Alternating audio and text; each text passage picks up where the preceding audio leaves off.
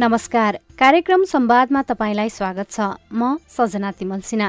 कार्यक्रम संवाद सामुदायिक रेडियो प्रसारक संघ अखराबद्वारा सञ्चालित सामुदायिक सूचना नेटवर्क सीआईएन मार्फत देशभरि प्रसारणमा रहेका करिब तीन सय सामुदायिक रेडियोबाट सुन्न सकिन्छ। यो कार्यक्रम WWW dot CIN Khabar dot कममा इन्टरनेट मार्फत चाहेको बेला विश्वभरि सुन्न सकिन्छ भने मोबाइल एप सीआईएन डाउनलोड गरेर पनि सुन्न सकिन्छ। यो कार्यक्रम स्वास्थ्यसँग सम्बन्धित विविध विषयमा केन्द्रित रहनेछ। आजको कार्यक्रममा हामी चिसोको समयमा देखिने स्वास्थ्य समस्या अनि यसबाट बच्ने उपाय दादुरा हुन नदिन गर्नुपर्ने कामका विषयमा विभिन्न सामग्री प्रस्तुत गर्नेछौं। चिसो मौसम चलिरहेको छ। यसकारण अस्पतालमा विभिन्न स्वास्थ्य समस्या लिएर पुग्ने बिरामीको संख्या पनि बढ़िरहेको छ। विशेष गरी ज्वरो रुगाखोकी दम कोल्ड डायरियाका बिरामीको संख्या बढेको डाक्टरहरू बताउँछन्।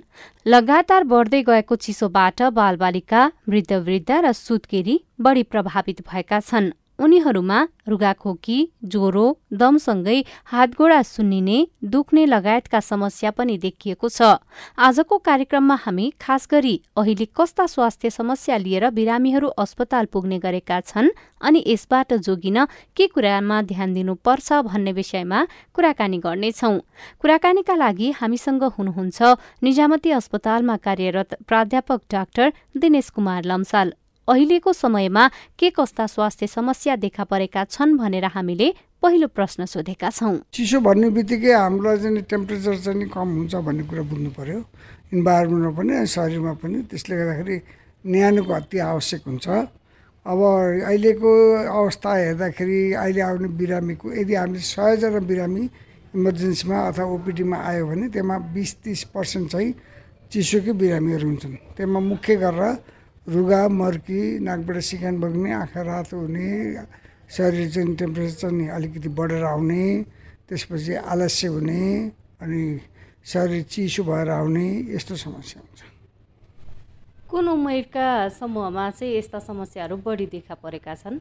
प्राय गरेर चाहिँ यो इन्भाइरोमेन्टमा जाने काममा जानेहरू एउटा कुरा दोस्रो कुरा चाहिँ केटाकेटीहरू बच्चा बच्ची र बुढाबुढी मान्छे जसको चाहिँ नि इम्युनिटी डाउन हुन्छ अथवा रोग विरुद्ध लड्ने क्षमता कमजोर भएको हुन्छ उनीहरूलाई यो समस्याले ग्रसित गर्छ। समस्या भएपछि समाधानको उपाय पनि खोज्नु पर्यो। के गरेर जोगाउने के गर्दाखेरि चाहिँ यो समस्याबाट जोगिन सकिन्छ? यो समस्याको चाहिँ नि भएपछि त नि पहिला त समस्या हुन नदिनु हो यसको उपाय भनेको त्यो भनेको चाहिँ नि न्यानो चाहिँ नि इन्भाइरोमेन्टमा अथवा चाहिँ वातावरणमा बस्नु पऱ्यो न्यानो बनाएर बस्नु पऱ्यो र वरिपरिको वातावरण पनि न्यानो हुनु पऱ्यो शरीरलाई पनि न्यानो बनाउनु पऱ्यो वरिपरिको वातावरण पनि न्यानो हुनु पऱ्यो त्यो भनेको के भने जस्तै हामी आगो ताप्छौँ। होइन अब प्रायः चाहिँ अब हाम्रो हिटरबाट ताप्छौँ अथवा चाहिँ हामीले त्यो ग्यास चुलोकोबाट आगो ताप्छौँ अथवा त्यो आगै बालेर पनि आगो ताप्छौँ। तर यसमा ध्यान दिनुपर्ने कुरा हुन्छ एउटा कुरा त आगो तापिसकेपछि अब राति स्पेसल्ली रातिको टाइममा चाहिँ नि के हुनसक्छ भने आगो ताप्यो अथवा जनि अब दाउरा बालेर ताप्यो अथवा अरू कुरा ताप्यो यतिकै छोड्छौँ। र दोस्रो कुरा हामी के गर्छौँ भने यो भेन्टिलेसन भनेको सा सास के भन्छ यो हावा चाहिँ खेल्ने वातावरण हुनु पऱ्यो कोठाभित्र। त्यो नहुँदाखेरि के हुन्छ ग्यासबाट अथवा चाहिँ आगोको चुलोबाट अथवा आगोबाट पनि हाम्रो पोइजनस ग्यासहरू निस्किन्छ। त्यो ग्यास चाहिँ फोक्सोमा पुगेपछि त्यसले चाहिँ नि शरीरमा भएको अक्सिजनलाई घटाइदिन्छ। शरीरमा अक्सिजन नभएपछि बेहोस हुन्छ अनि मृत्युसम्म हुनसक्छ। त्यसलाई विशेष ध्यान दिनु पऱ्यो न्यानो गर्दाखेरि लुगाहरू राम्रोसँग लगाएर न्यानो बनाउन सकिन्छ। आगो ताप्दा अलिकति चाहिँ नि डिस्टेन्समा बसेर अथवा अलिक फरक बसेर चाहिँ ताप्ने र तापिसकेपछि यसलाई चाहिँ बन्दै गर्नुपर्छ सुत्नु अगाडि पनि। र अरू बेला पनि चाहिँ बाहिर निस्किँदा पनि न्यानो लुगा लगाएर निस्किनु पऱ्यो बच्चाहरूलाई पनि बुढाबुढी न्यानोमा निस्किनु पऱ्यो धेरै अगाडि अथवा भनौँ बिहानको चाहिँ पाँच छ बजेको टाइममा चाहिँ निस्किनु भएन। किनकि कहिलेकाहीँ चाहिँ त्यसले गर्दाखेरि चाहिँ नि हार्ट एट्याक समेत हुन्छ। त्यो कुरा चाहिँ अति इम्पोर्टेन्ट छ। बच्चाहरूको हकमा चाहिँ नि इम्युनिटी कम भएको रोग विरोध लड्ने क्षमता कम भएको जसले खोप राम्रोसँग नलागेको बच्चाहरूमा निमोनिया हुनेदेखि लिएर ठुलो चाहिँ रोगहरू लाग्ने सम्भावना हुन्छ। त्यसको जोगाउनुको लागि पनि हामीले पहिला त न्याय नै जरुरत छ। बिहानको समयमा निस्किँदाखेरि हार्ट एट्याक हृदयघातसम्म हुन सक्छ भन्नुभयो। के कारणले हुन्छ त्यो चाहिँ? मुख्य कुरा त म अहिले भने यदि चाहिँ शरीरको टेम्परेचर कम भयो भने मुटुमा जाने रगत जुन छ प्रवाह यसले चाहिँ रगतको नसाहरू खुम्चाइदिन्छ। खुम्चाएपछि रगत चाहिँ मुटुमा प्रभाव गर्न सक्दैन। रगत मुटुमा प्रभाव नपछि त्यहाँ अक्सिजन सप्लाई र अक्सिजन डिमान्ड भन्ने हुन्छ। त्यो भनेको चाहिँ नि हार्ट एट्याक हो। त्यसले गर्दाखेरि तातोको चाहिँ इन्भाइरोमेन्ट अति आवश्यक छ र तातो भएन भने यो समस्याले गर्दाखेरि रक्त प्रवाहको चाहिँ नि कमी मुटुमा हुनु जाँदाखेरि हार्ट एट्याक हुनसक्छ त्यो स्पेसल चाहिँ नि धेरै रोग विरुद्ध लड्न सक्ने क्षमता कमजोर भएका मुटुमा चाहिँ पहिलेदेखि समस्या भएकाहरू अथवा प्रेसर भएका बिरामीहरू किडनीका बिरामीहरू यिनीहरूलाई बढी चाहिँ असर गर्छ। जाडोको समयमा विशेष गरी वृद्ध वृद्ध अनि बालबालिकाहरू लगायतलाई त समस्या देखिन्छ नै। अझ त्योभन्दा पनि दमका रोगीहरूलाई पनि समस्या देखिने गर्छ। उहाँहरूलाई चाहिँ कसरी जोगाउन सकिन्छ? दमको रोगी भन्ने बित्तिकै हामीले के के बुझ्नु पऱ्यो भने यो फोक्सो सम्बन्धी समस्या भन्ने बुझ्नु पऱ्यो दमको रोगीहरूमा चाहिँ जाडोको कारणले टेम्परेचरको कारणले टेम्परेचर न्यून हुँदाखेरि यसको लागि यो एग्रिभेट गर्नु भन्छौँ हामीले चिसोको कारणले त्यसलाई अझ बढाउँछ। अझ दम चाहिँ अब खोकी चाहिँ अलिअलि स्यासा हुन्थ्यो भने अझ बढी खोकी लाग्ने अझ स्यासा बढ्ने हुन्छ। र शरीरमा चाहिँ नि अक्सिजनको मात्रा कम हुन्छ। फोक्सोमा अक्सिजन पुग्दैन। फोक्सोमा अक्सिजन नपुग्नु भनेको के हुन्छ? अक्सि फोक्सोले काम गर्ने क्षमता घटेर जान्छ। त्यो घट्दै गएपछि त्यसलाई चाहिँ नि अस्पतालमा जानुपर्ने तुरन्त इमर्जेन्सीमा जानुपर्ने अवस्था सिर्जना गर्छ।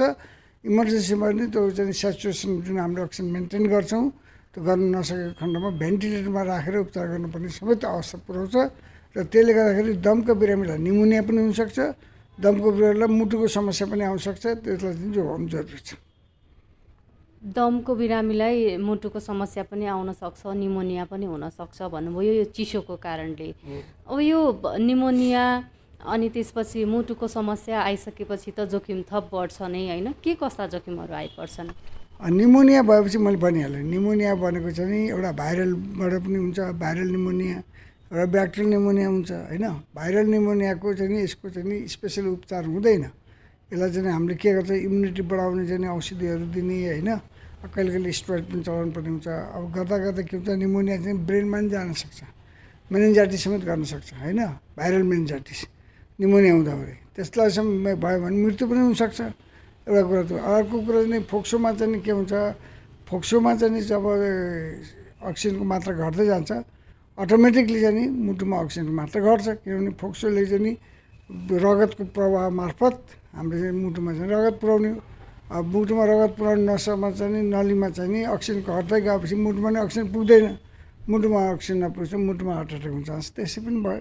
त्यही भएर जड कहाँ छ यसको? होइन? जस्तै पानी चाहिँ कहीँबाट चाहिँ पानी चाहिँ बगिरहेछ धमिलो पानी आछ भने हामीले के गर्नु? धमिलो पानीलाई त हामीले उगार्दै फाल्न सकिँदैन।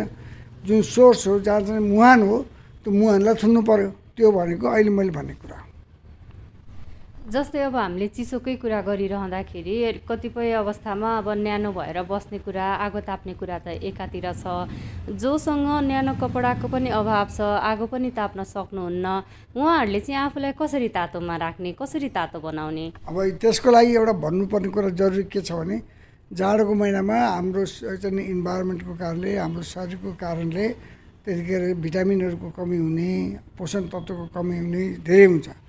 सिजन चेन्ज भएको हुन्छ? सिजन चेन्ज हुँदाखेरि त पोषिल तत्त्वहरू शरीरभित्र प्रवेश नगर्दाखेरि त्यसले चाहिँ असर गर्छ र यो चाहिँ रोग लाग्नेलाई बढाउँदै लान्छ क्षमता घटाउँछ शरीरको रोग बढाउँछ। त्यसले गर्दाखेरि पोसिलो खानेकुराहरू खानु पऱ्यो झोल पदार्थ धेरै खानु पऱ्यो तातो कुराहरू खानु पऱ्यो फ्रिजको कुराहरू जुन चाहिँ बासी कुराहरू छ त्यस्तो खानु भएन।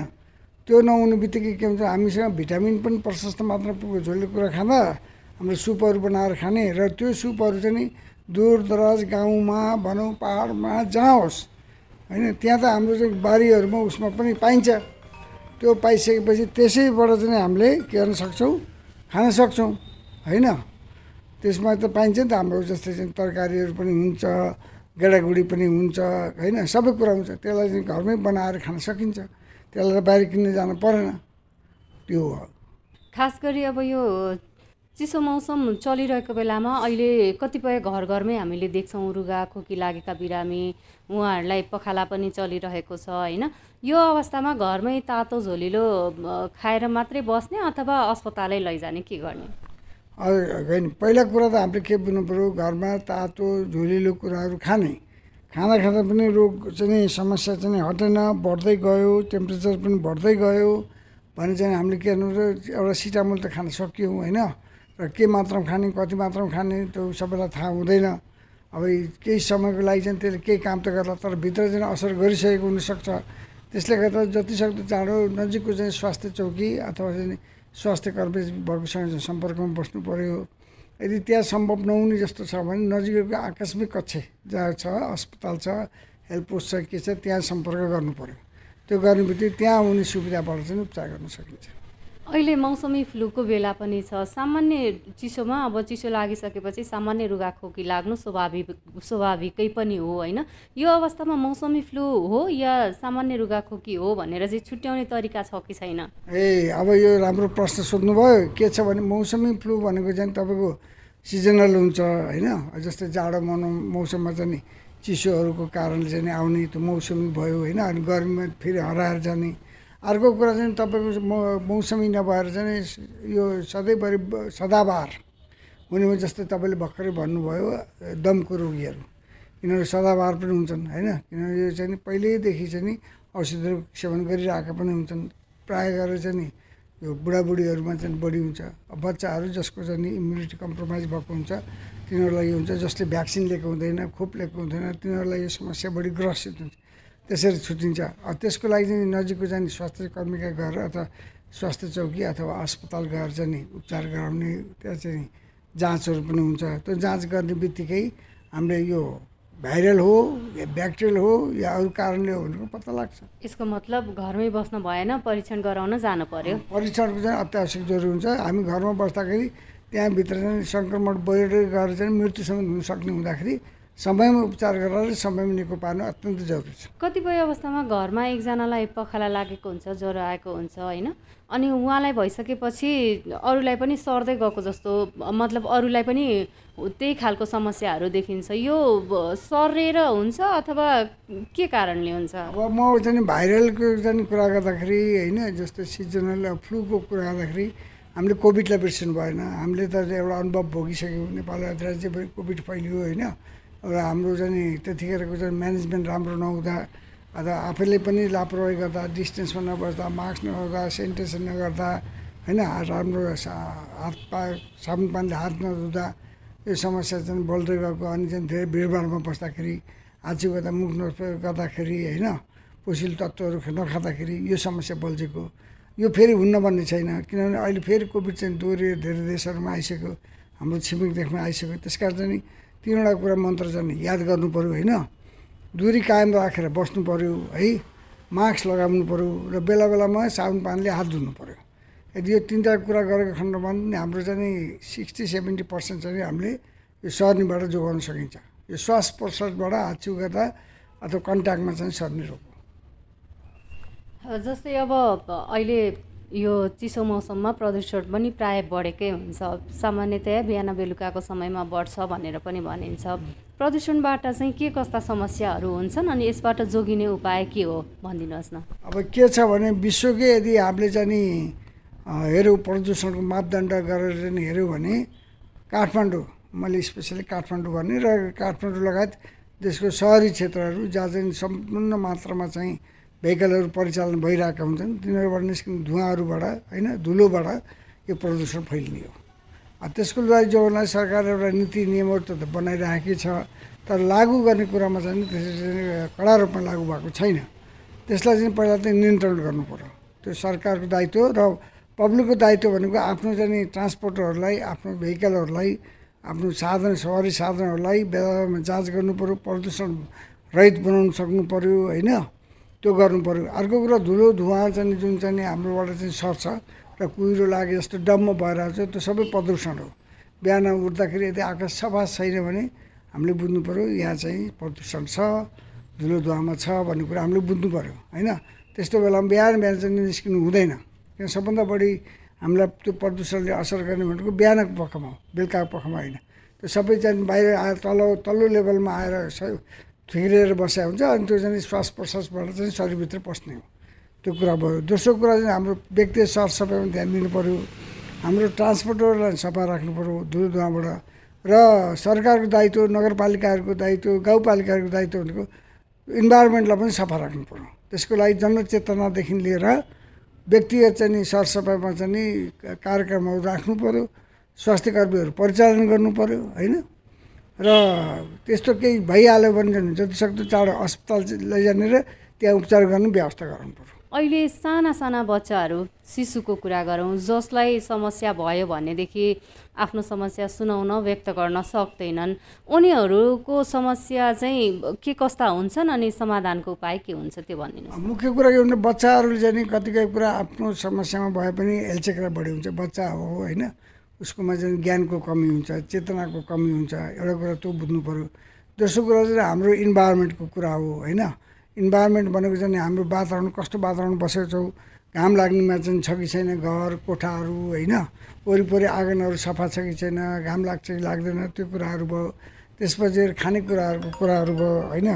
त्यो कुराहरूको पनि ध्यान दिनु पऱ्यो यो सबै कुरालाई चाहिँ ध्यान दिएको खण्डमा चाहिँ हामीले चाहिँ यसलाई फिफ्टी पर्सेन्टभन्दा माथि जोगाउन सक्छौँ। दोस्रो कुरा भनेको टाइममा चाहिँ भ्याक्सिनेसन खोप चाहिँ लगाउनु पऱ्यो बच्चाहरूलाई होइन? सबै किसिम इन्फ्लुएन्जादेखि लिएर निमोनियादेखि लिएर यी सबै किसिमका के लगाउनु पऱ्यो खोपहरू लगाउनु पऱ्यो टाइममा लगाउनु पर्छ पनि। ताकि चाहिँ त्यो सङ्क्रमणबाट नहोस् होइन? त्यो दोस्रो कुरा भयो होइन? तेस्रो कुरा भनेको समयमा चाहिँ स्वास्थ्य कर्मीसँग चाहिँ नि सरसल्लाह लिनु पऱ्यो र अस्पताल जानु पऱ्यो यदि हामीलाई सङ्क्रमण बढी भएको खतरा देखिन्छ भने। उहाँ हुनुहुन्थ्यो निजामती अस्पतालमा कार्यरत प्राध्यापक डाक्टर दिनेश कुमार लम्साल। चिसोको समयमा हुने स्वास्थ्य समस्या र यसबाट जोगिन गर्नुपर्ने कामको विषयमा कुरा गर्दै। तपाईँ अहिले कार्यक्रम संवाद सुनिरहनु भएको छ। आज आइतबारको संवादमा हामी स्वास्थ्यसँग सम्बन्धित विविध विषयमा कुराकानी गरिरहेका छौं। पछिल्लो समय छिमेकी देश भारत र चीनमा कोरोनाको संक्रमण फैलिन थालेको भए पनि नेपालमा त्यति देखिएको छैन तर सावधानी भने अपनाउनु पर्ने देखिएको छ।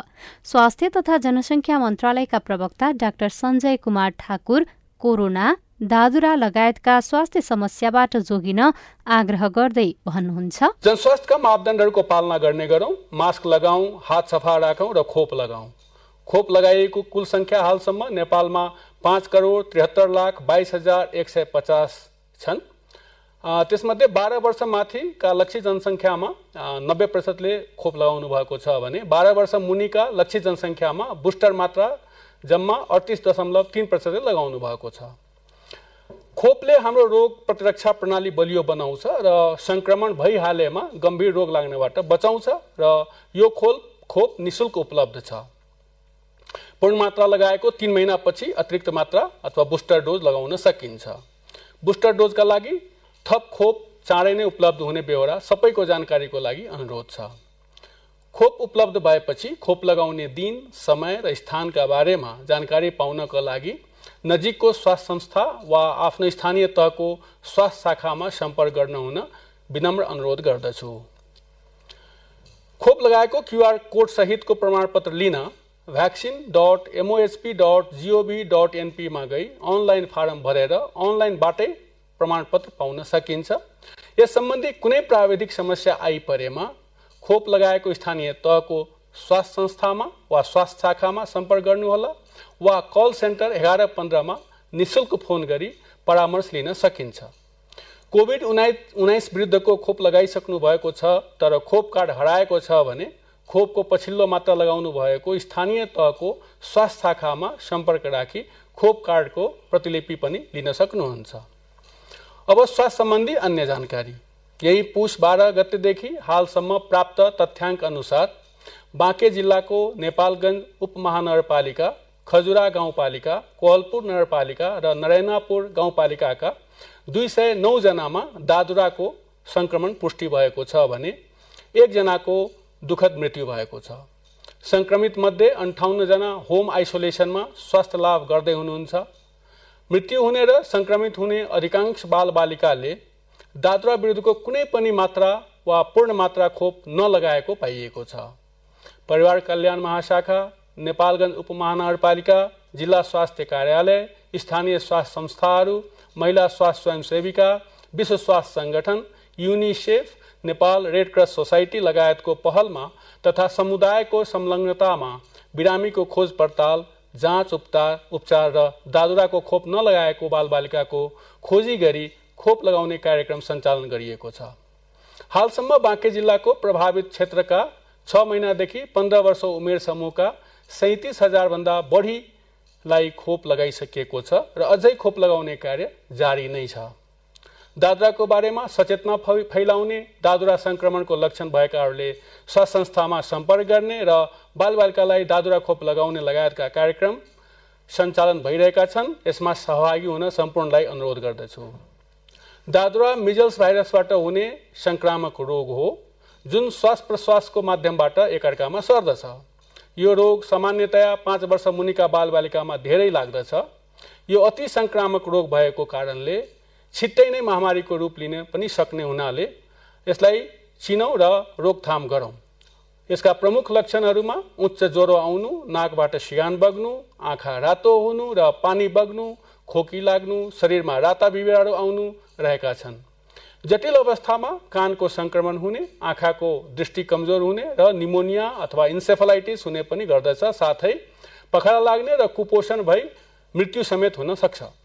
यस्ता कुनै पनि लक्षण देखिएमा तुरन्त नजिकैको स्वास्थ्य संस्थामा सम्पर्क गरौँ र उपचार र परामर्श लिउँ दादुरा सङ्क्रमणले बालबालिकाको रोग प्रतिरोधात्मक क्षमता हप्तौँसम्म कम गराउने भएकोले थप अपर्चुनिस्टिक इन्फेक्सन सङ्क्रमणहरू लाग्न सक्छ। त्यसैले सबैभन्दा उत्तम उपाय भनेको यस रोग विरुद्धको खोप लगाउनु नै हो। राष्ट्रिय तालिका अनुसार बालबालिकालाई नौ महिना र पन्ध्र महिनामा गरी दुई पटक दादुरा रुबेला खोप लगाइदिनुपर्छ।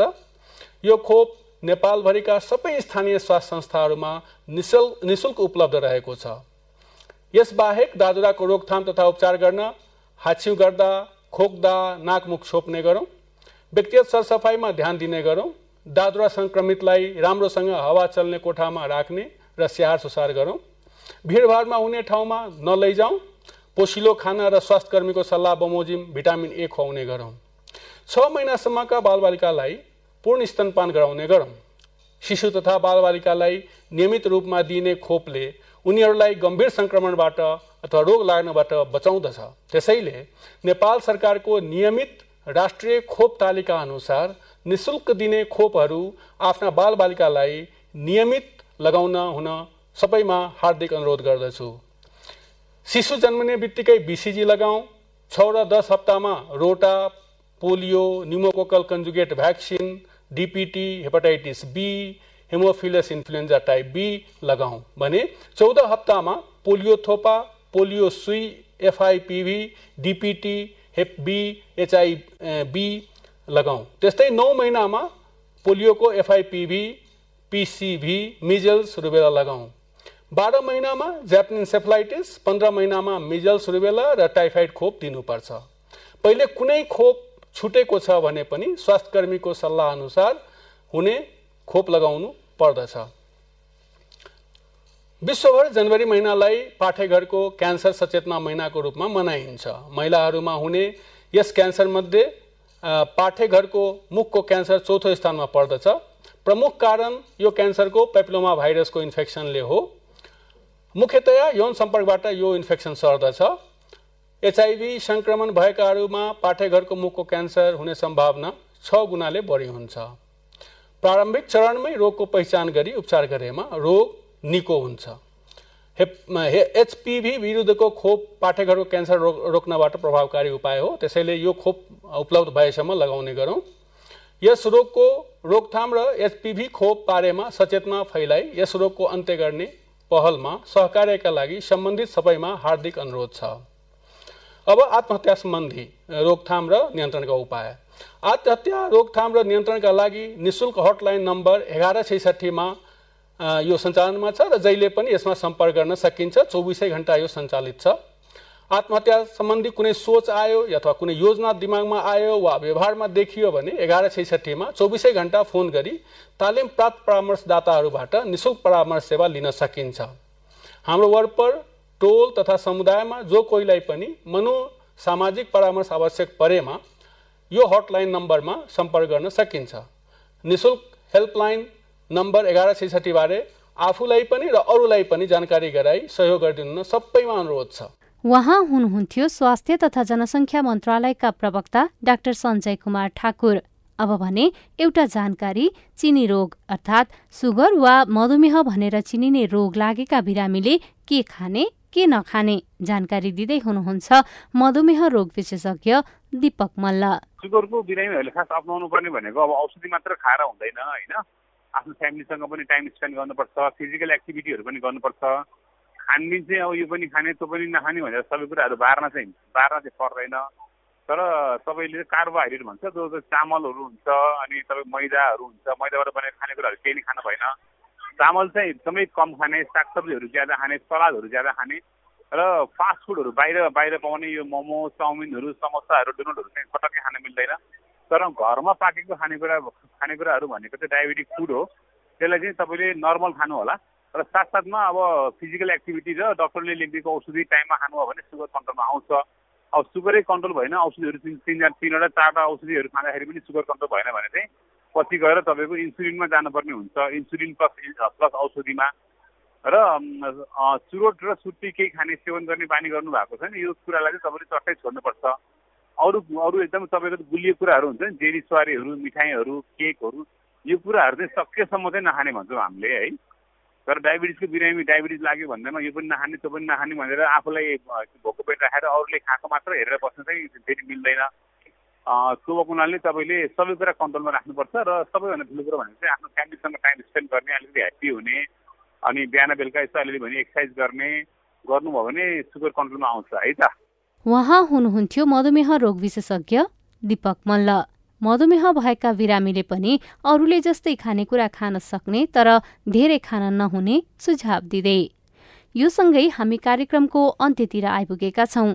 आज हामीले चिसोको समयमा हुने स्वास्थ्य समस्या र यसबाट बच्ने उपायसँगै कोरोना र दादुराबाट बच्न खोप लगाउनु पर्ने अनि मधुमेह लागेका बिरामीले खानपानसँगै तनाव लिन नहुने जानकारी प्रस्तुत गर्यौं। आजको विषयवस्तु तपाईँलाई कस्तो लाग्यो? तपाईँ हामीलाई हाम्रो टेलिफोन नम्बर शून्य एक बान्न साठी छ चार छमा फोन गरेर आफ्नो कुरा भन्न सक्नुहुनेछ।